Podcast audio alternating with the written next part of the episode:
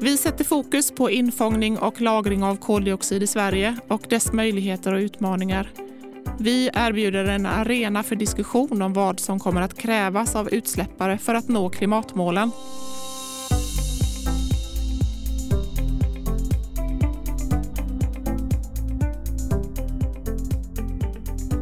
Vi möjliggör utvecklande och kunskapshöjande samtal med både förespråkare och de som är mer tveksamma till CCS som klimatåtgärd. Välkommen till CCS-panelen. Jag som är programledare heter Sara Davidsson. Jag arbetar som hållbarhetschef på Midrock Europe. Tycker du om det du lyssnar på? Ge oss gärna feedback så att vi kan nå fler och tryck på följ. I dagens avsnitt ska vi prata infångning och lagring av koldioxid, men också sätta det i ett större sammanhang som handlar om att arbeta aktivt med klimatåtgärder. Och idag har jag bjudit in Klara Helstad, chef för enheten Hållbar industri på Energimyndigheten. Det här samtalet spelas in med mig i en studio i Göteborg och eh, Klara i en hemmamiljö i Eskilstuna, vilket kan påverka ljudkvaliteten. Välkommen Klara! Tack Sara, roligt att vara med här. Du Klara, först, vad gör Energimyndigheten? Jo, vi jobbar ju med samhällets omställning till ett hållbart energisystem. Så vi jobbar ju på uppdrag av regering och riksdag och eh, mycket fokus på energi och klimatmålen förstås. Det är vår roll att vara både expert och kunna jobba stödjande men också styrande med olika regelverk. Och eh, du har varit på Energimyndigheten under en period där det har hänt mycket inom klimatarbetet, både globalt och här hemma. Det är Parisavtal och eh, olika typer av styrmedel och initiativ i näringslivet. Hur har det märkts hos er?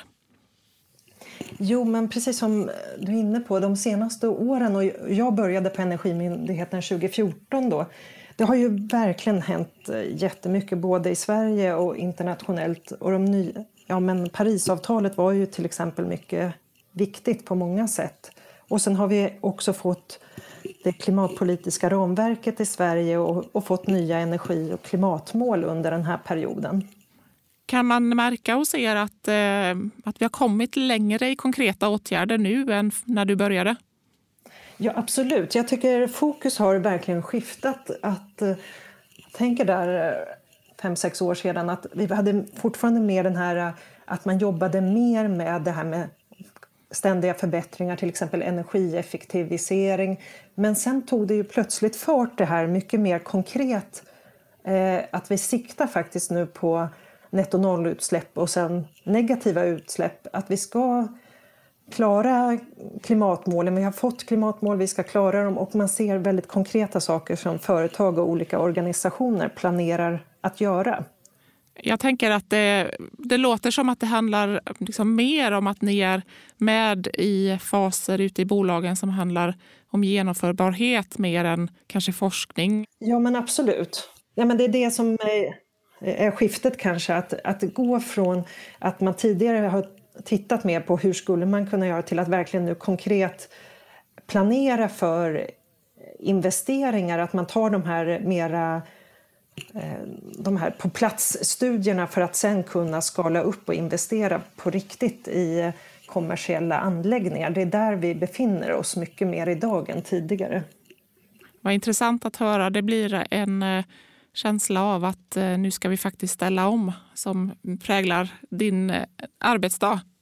Ja men absolut, det känner jag nu att det, det, är där vi är mycket i samtal med olika organisationer. Att det är mycket mer fokus på direkt, eh, åtgärder som kan göras närmaste åren och, och många förändringar som är på gång i olika branscher. Så det är ju ja, brett, brett inom näringslivet såklart och det ser man ju också i offentlig sektor förstås. Då har vi båda ett väldigt meningsfullt jobb låter det som. Du Klara, du har jobbat på Energimyndigheten sedan 2014. Berätta lite ja. om din bakgrund och vad var det som lockade till Energimyndigheten?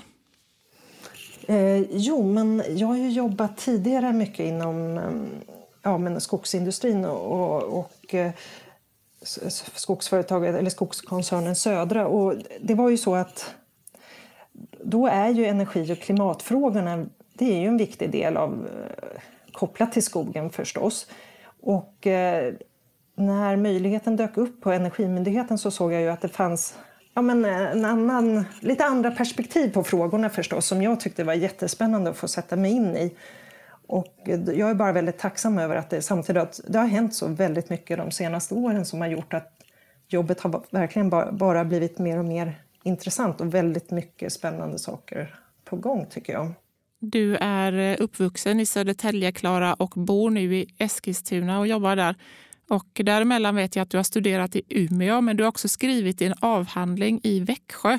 Vilken landsände är bäst? och det är en här svår fråga. Jag har ju verkligen uppskattat att bo både i Västerbotten och i Småland och, och Södermanland. Så det är ju liksom det här att det är lite olika kulturer i olika delar av landet och, och det har väldigt, varit väldigt roligt att få eh, bo lite längre tid på flera platser. Och det har, ja, jag tycker verkligen att det har varit väldigt, väldigt... Jag är väldigt tacksam för det, att jag valt att bo på olika ställen. Och det är såklart att Småland var ju där jag bodde senast och ibland, ja, det, det är väldigt... Det, jag trivdes väldigt, väldigt bra där. Nu blir du poppis i Småland. Ja, eh. visst.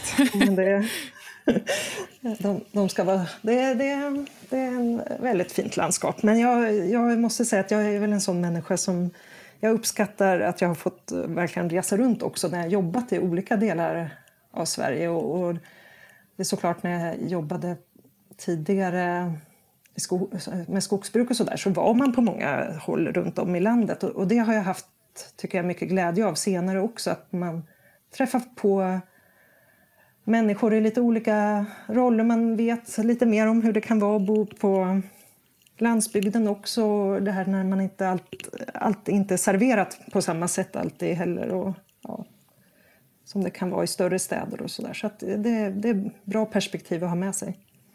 Ja, verkligen. Särskilt med tanke på det du jobbar med, med klimat, att stötta klimatåtgärder och eh, energieffektiviseringar. Du, Klara, vi ska prata mer om hur ni jobbar med klimatåtgärder på Energimyndigheten. Och eh, det uppdrag ni har från regeringen är att stötta bolag med klimatåtgärder och kommuner också för all del. Och mm. Det heter Industriklivet. Berätta för oss om Industriklivet. Ja, ja, Industriklivet är ju en, eh, en stor och långsiktig satsning från eh, regeringen på just...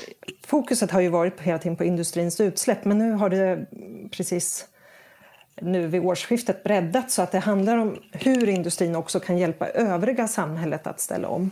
Sen ska jag ju säga att vi har ju förstås andra satsningar som kanske har mer fokus på till exempel eh, städer och landsbygd och andra, andra delar av samhället.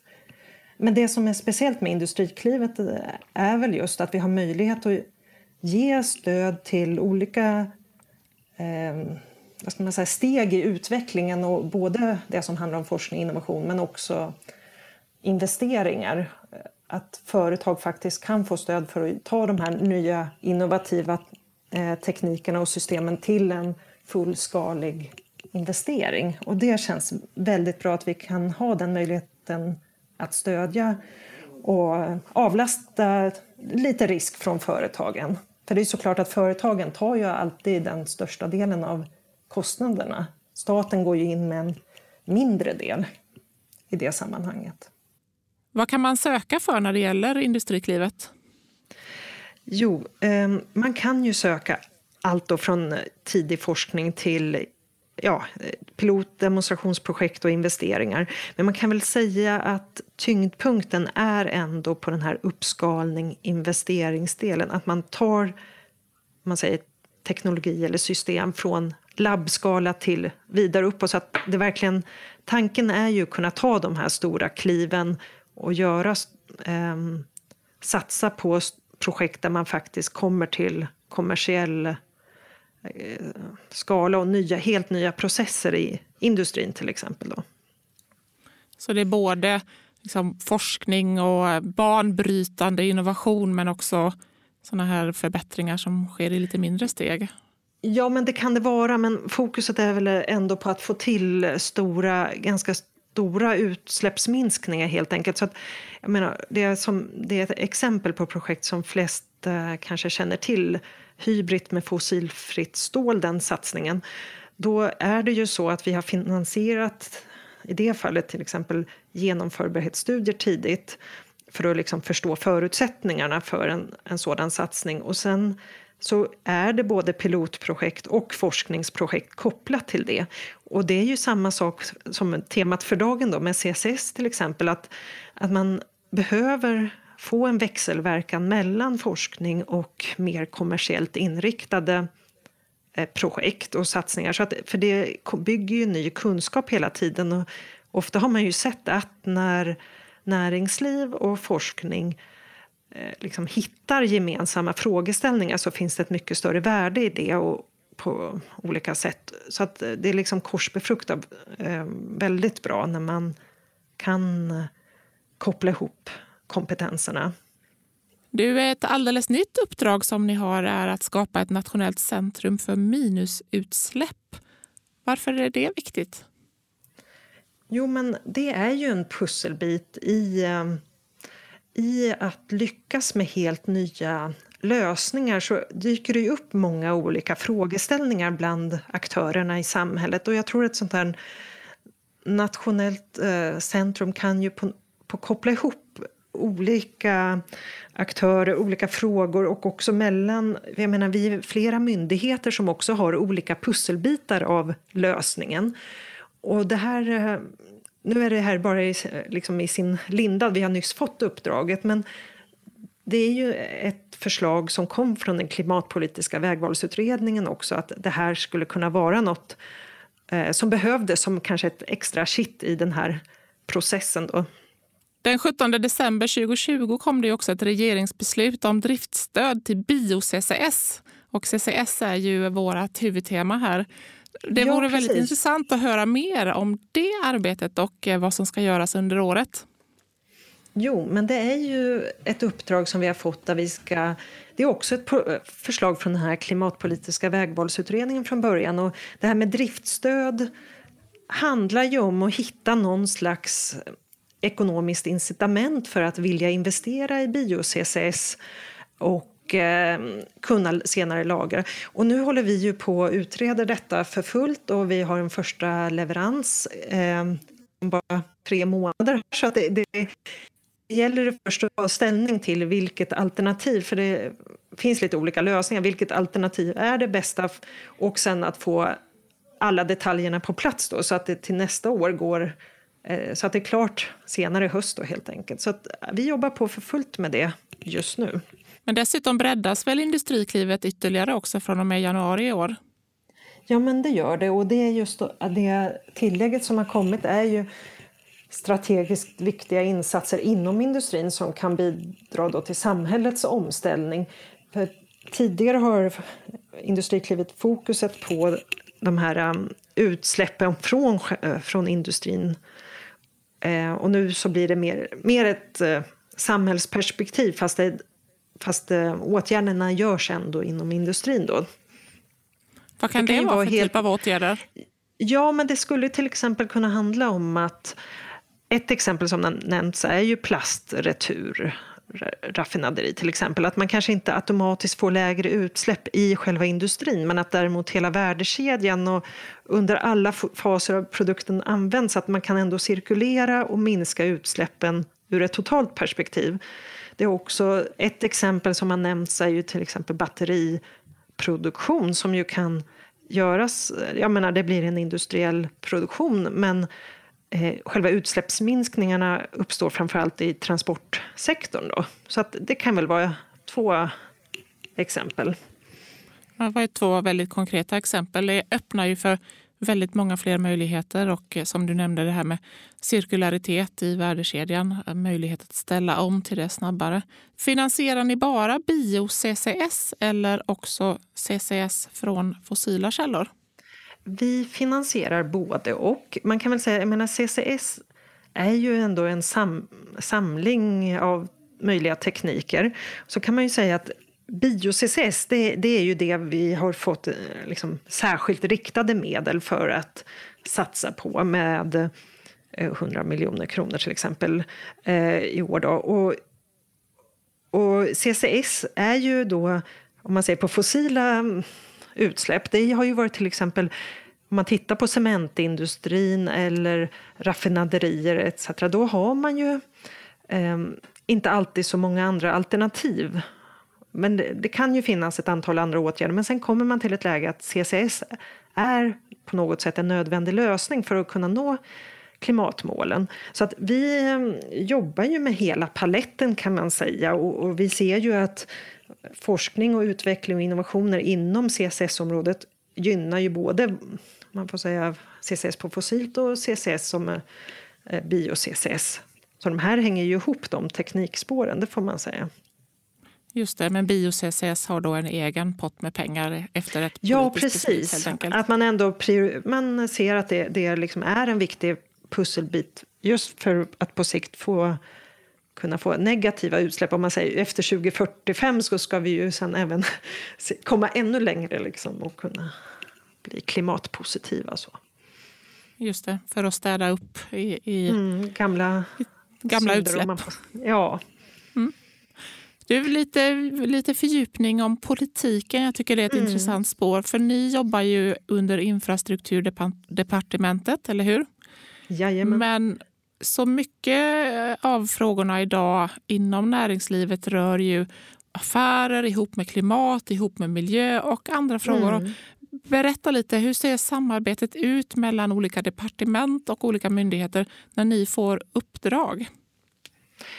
Jo, men det är väl eh, tydligt nu att jag menar frågorna löper ju på många... Ja, det finns oerhört många kopplingar nu, att både mellan eh, Eh, miljö, energi, klimat, precis som du säger, och näringslivsutveckling, exportmöjligheter och så vidare. Så att vi får ju eh, vi ligger ju under infrastrukturdepartementet men vi får ju uppdrag både från näringsdepartementet och miljödepartementet till exempel. Så Industriklivet är ju ett, om, ett anslag som, som vi har fått uppdrag från miljödepartementet. Men det är ju hela tiden så att vi har ju en dialog med eh, med ett departementen utifrån vilka, ja, men hur behoven ser ut av koordinering och att de har ju förstås sina processer för gemensam beredning av olika förslag. Och, och sedan har vi ju eh, tillfällen där det går att eh, ja, men, eh, berätta om till exempel vad som är på gång inom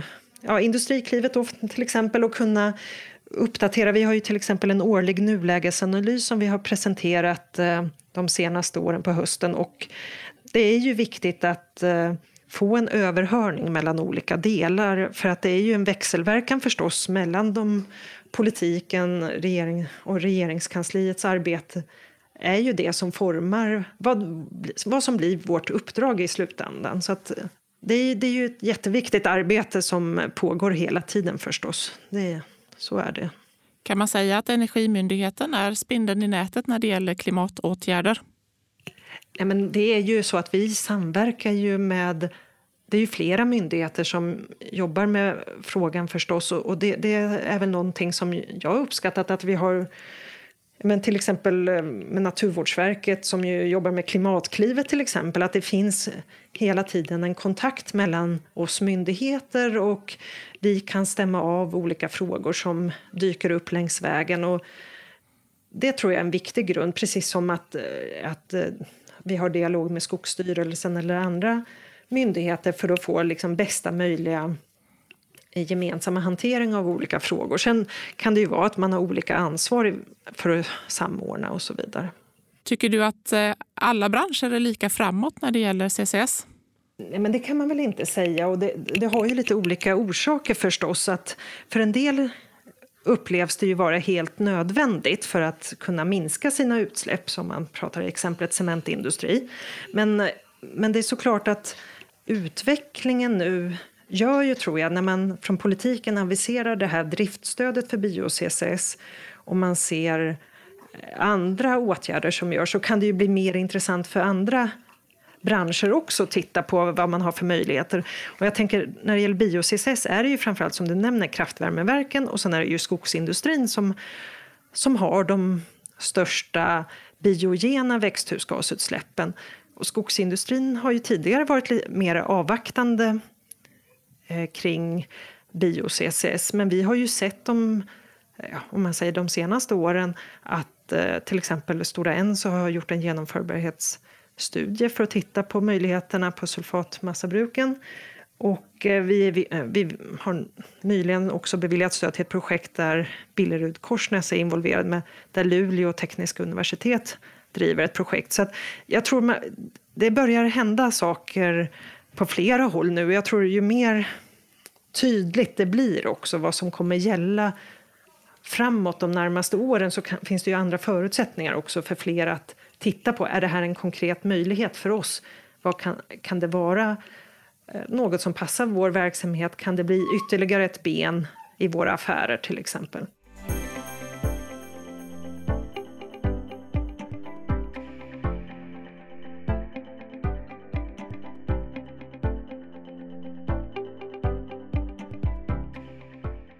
Välkommen till CCS-panelen. Vi möjliggör utvecklande och kunskapshöjande samtal med både förespråkare och de som är mer tveksamma till tekniken. Jag heter Sara Davidsson och idag pratar jag med Klara Helstad från Energimyndigheten. Klara, din personliga åsikt, vilket är viktigast för klimatförbättringar? Innovation eller ständiga förbättringar, alltså små steg? Ehm, alltså jag tror att vi är i det läget nu att nu är det ju stora förbättringar som behöver göras. Det går liksom inte att liksom komma helt ifrån det. Men det är ju ingenting som säger att man inte ska jobba med ständiga förbättringar samtidigt.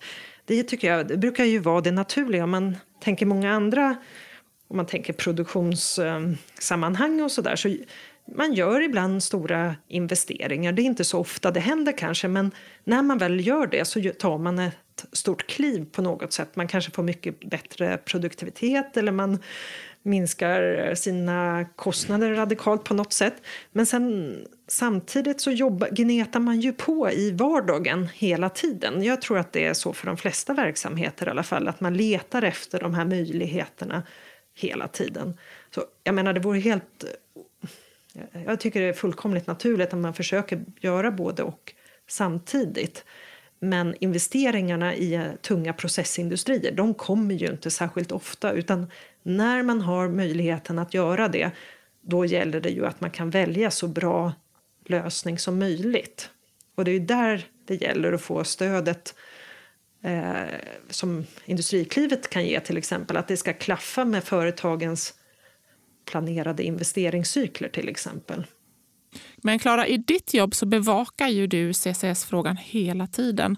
Och eh, för ett drygt år sedan så kom den klimatpolitiska utredningen. Men, och bara under hösten 2020 så har det ju hänt väldigt, väldigt mycket. Om vi blickar framåt, hur vill ni på Energimyndigheten att utvecklingen ska ske? Jo, nu är vi ju i ett väldigt spännande läge. Det är såklart att den här utredningen som vi arbetar med nu, det är ju en viktig pusselbit här. Att få eh, den här komponenten med att kunna få till ett driftstöd som, inte, som kompletterar då invest, möjliga investeringsstöd. Det tror jag är jätteviktigt, för det är trots allt dyrare. Det, det blir en kostnad för de företagen som väljer att satsa på bio-CCS. Sen är det ju flera pusselbitar nu. att vi behöver, Det behövs eh, avtal till exempel med andra länder för att få, kunna exportera och sedan därefter lagra koldioxiden. Och det är några såna här saker som behöver ske nu, om man säger inom ett till två år. Och därefter så hoppas jag ju, för vi ser ju från företagens sida att man, man har saker på gång nu och flera har aviserat att man ser framför sig en kommande investering i närtiden då och eh, flera svenska aktörer har ju sökt stöd ehm, i EUs den här stora innovationsfonden. Och vi, vi hoppas ju att nu om allt det här klaffar att, att vi har ett läge där vi om fem år där vi redan kan, där vi kan köra det, detta hela värdekedjan om man får säga från, från Sverige och, och möjligheten att kunna lagra i, eh, ja, på ett säkert sätt och så vidare. Så att det är väl min eh, största förhoppning att vi har allting på plats inom bara några år. Då. Och, och att eh, nu är det ju få saker att hänga ihop och, och hända um, och få en bra vad ska man säga, långsiktig lösning också. För det är väl det som är viktigt för många företag också. Att man förstår, det, det här är det som gäller för en längre tid så att man kan förhålla sig till det. Ja, det är många saker som behöver falla på plats för att inte tappa tempo också. Och eh, mm. håller du med mig om att det är kanske inte de tekniska lösningarna som förändrar saker här utan det är samspelet och att vi får till kopplingarna mellan olika intressenter i samhället? Ja men absolut, för nu är det ju, jag menar teknik är bara en del av helheten. Och nu är det det att vi måste ha till både avtal, stöden, om man säger incitamenten för att driva hela den här processen. Och, eh, och det ska till logistik och det ska till lagring och så vidare. Så att det som är bra är väl att det liksom finns.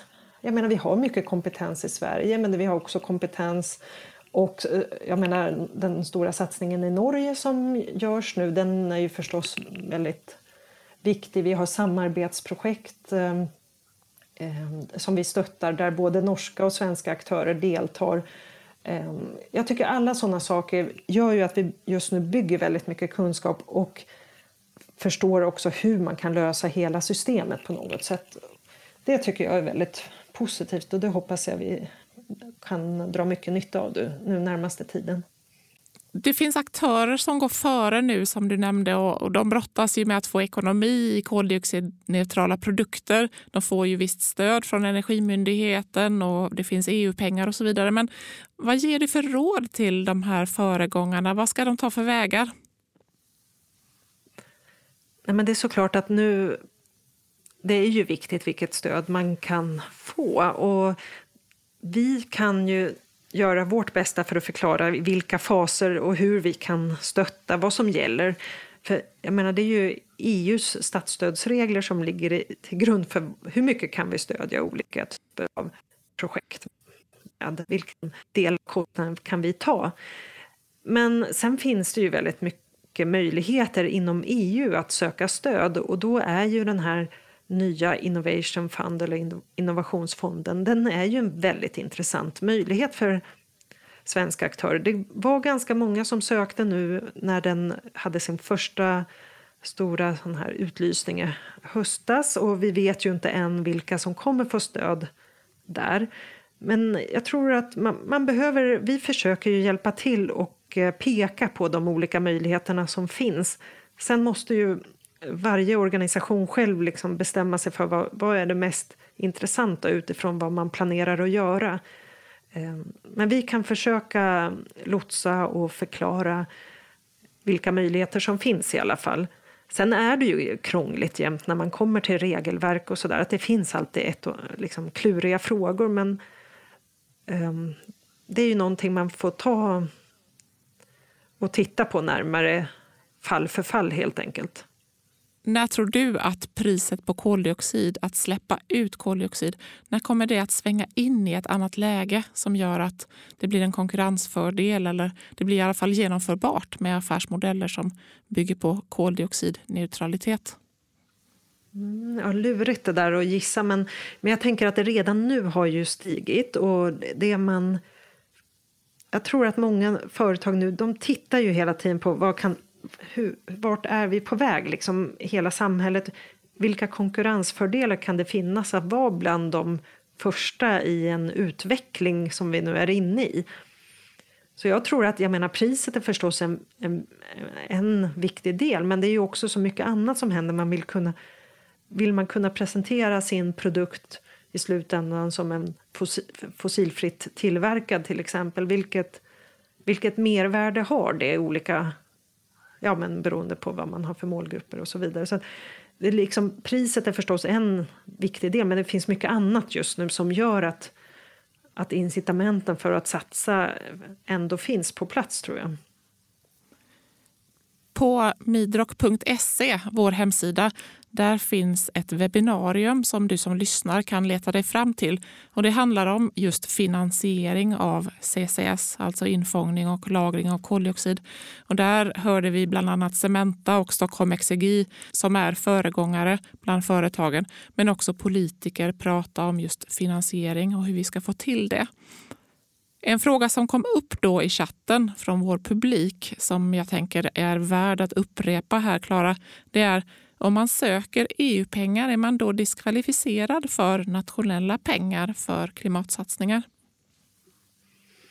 Men det är ju en bra fråga, men man är inte diskvalificerad eh, på något sätt. Man kan söka både inom EU och nationellt, men man, det är en del eh, saker man behöver ha koll på kring hur olika stöd kan kombineras. Så då är det bäst att titta, att titta exakt på respektive case. Liksom, för att det finns ingen generell tumregel riktigt som är enkel att förmedla så tyvärr. Utan att då får man titta på från fall till fall helt enkelt.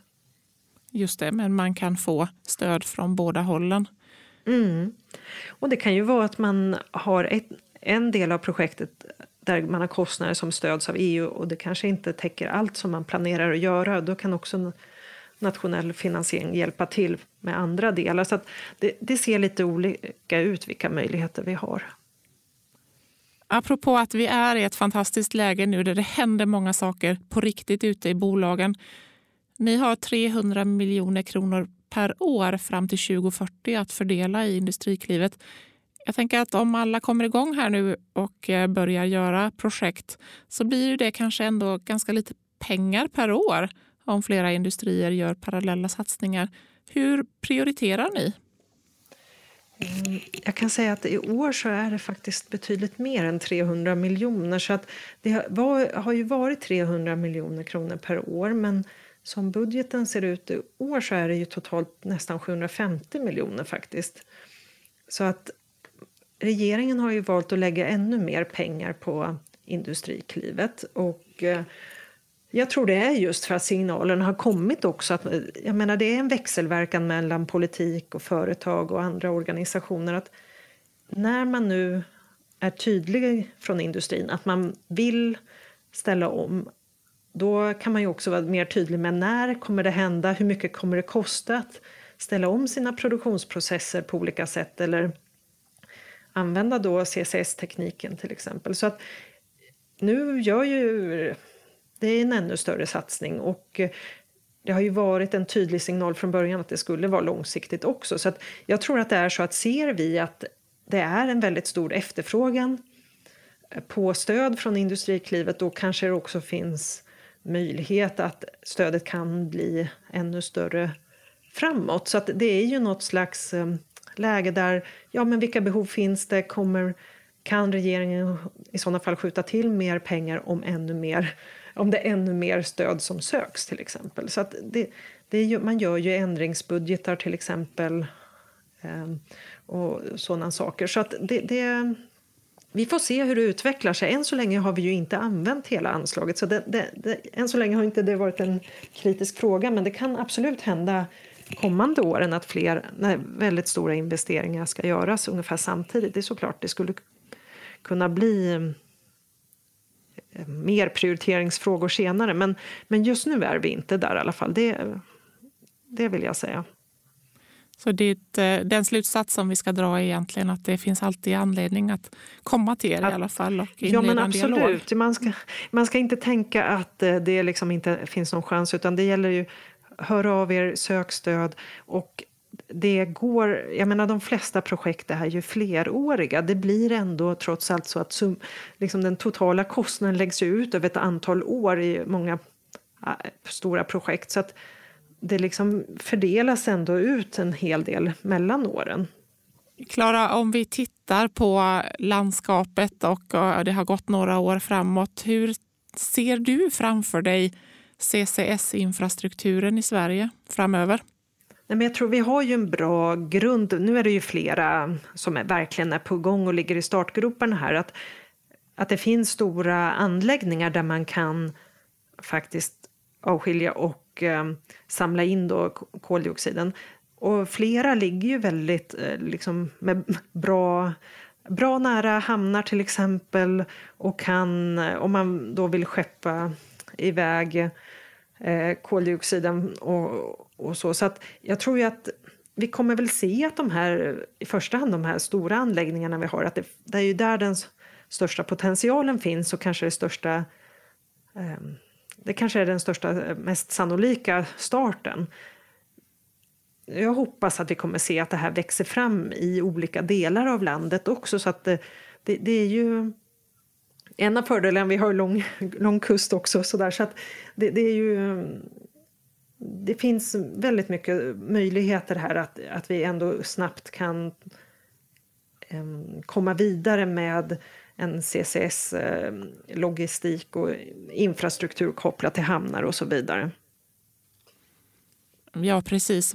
Fördelen är ju att vi har många av våra anläggningar som släpper ut mycket koldioxid. De ligger också väldigt kustnära och väl, väl till hands för att transportera vidare den infångade koldioxiden till slutlagring. Ja, precis.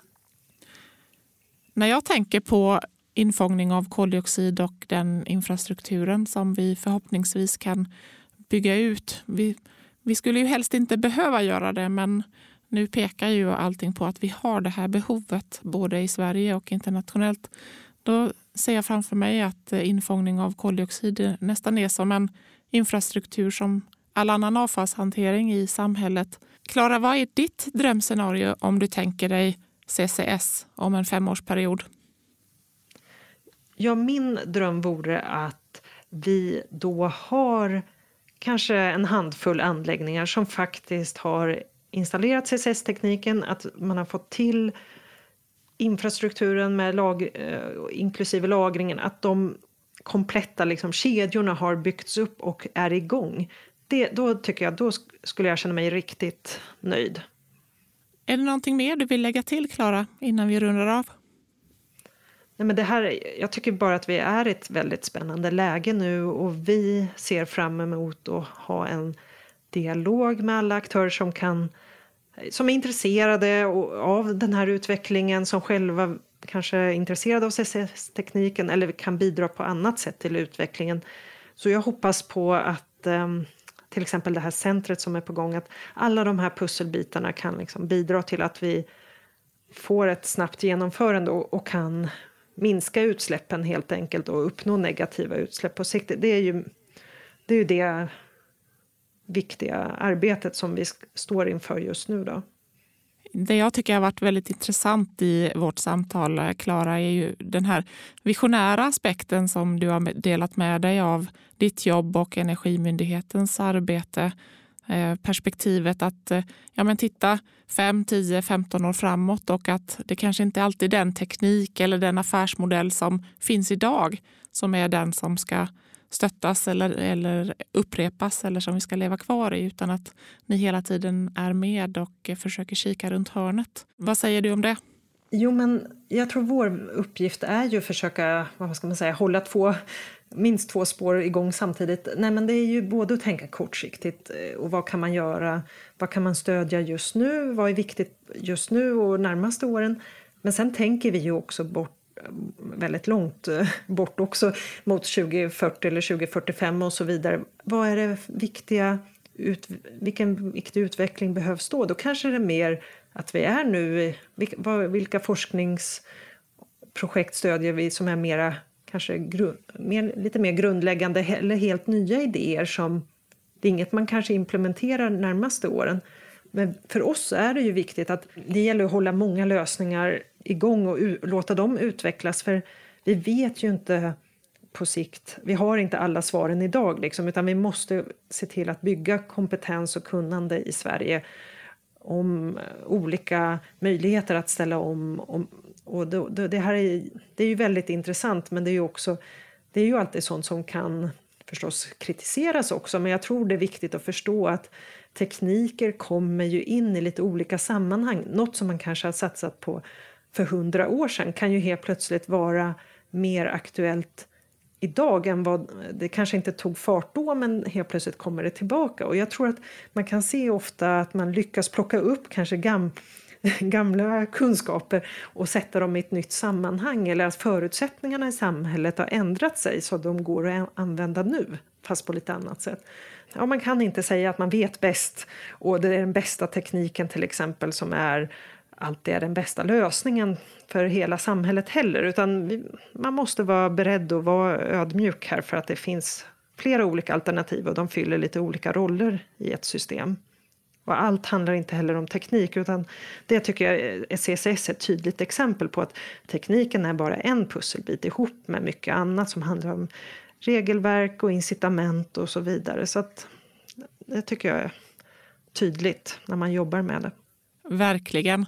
Klara Helstad från Energimyndigheten, tack för att du ville träffa mig och eh, prata om ditt arbete och Energimyndighetens roll i klimatarbetet och spana kring CCS och eh, bio-CCS.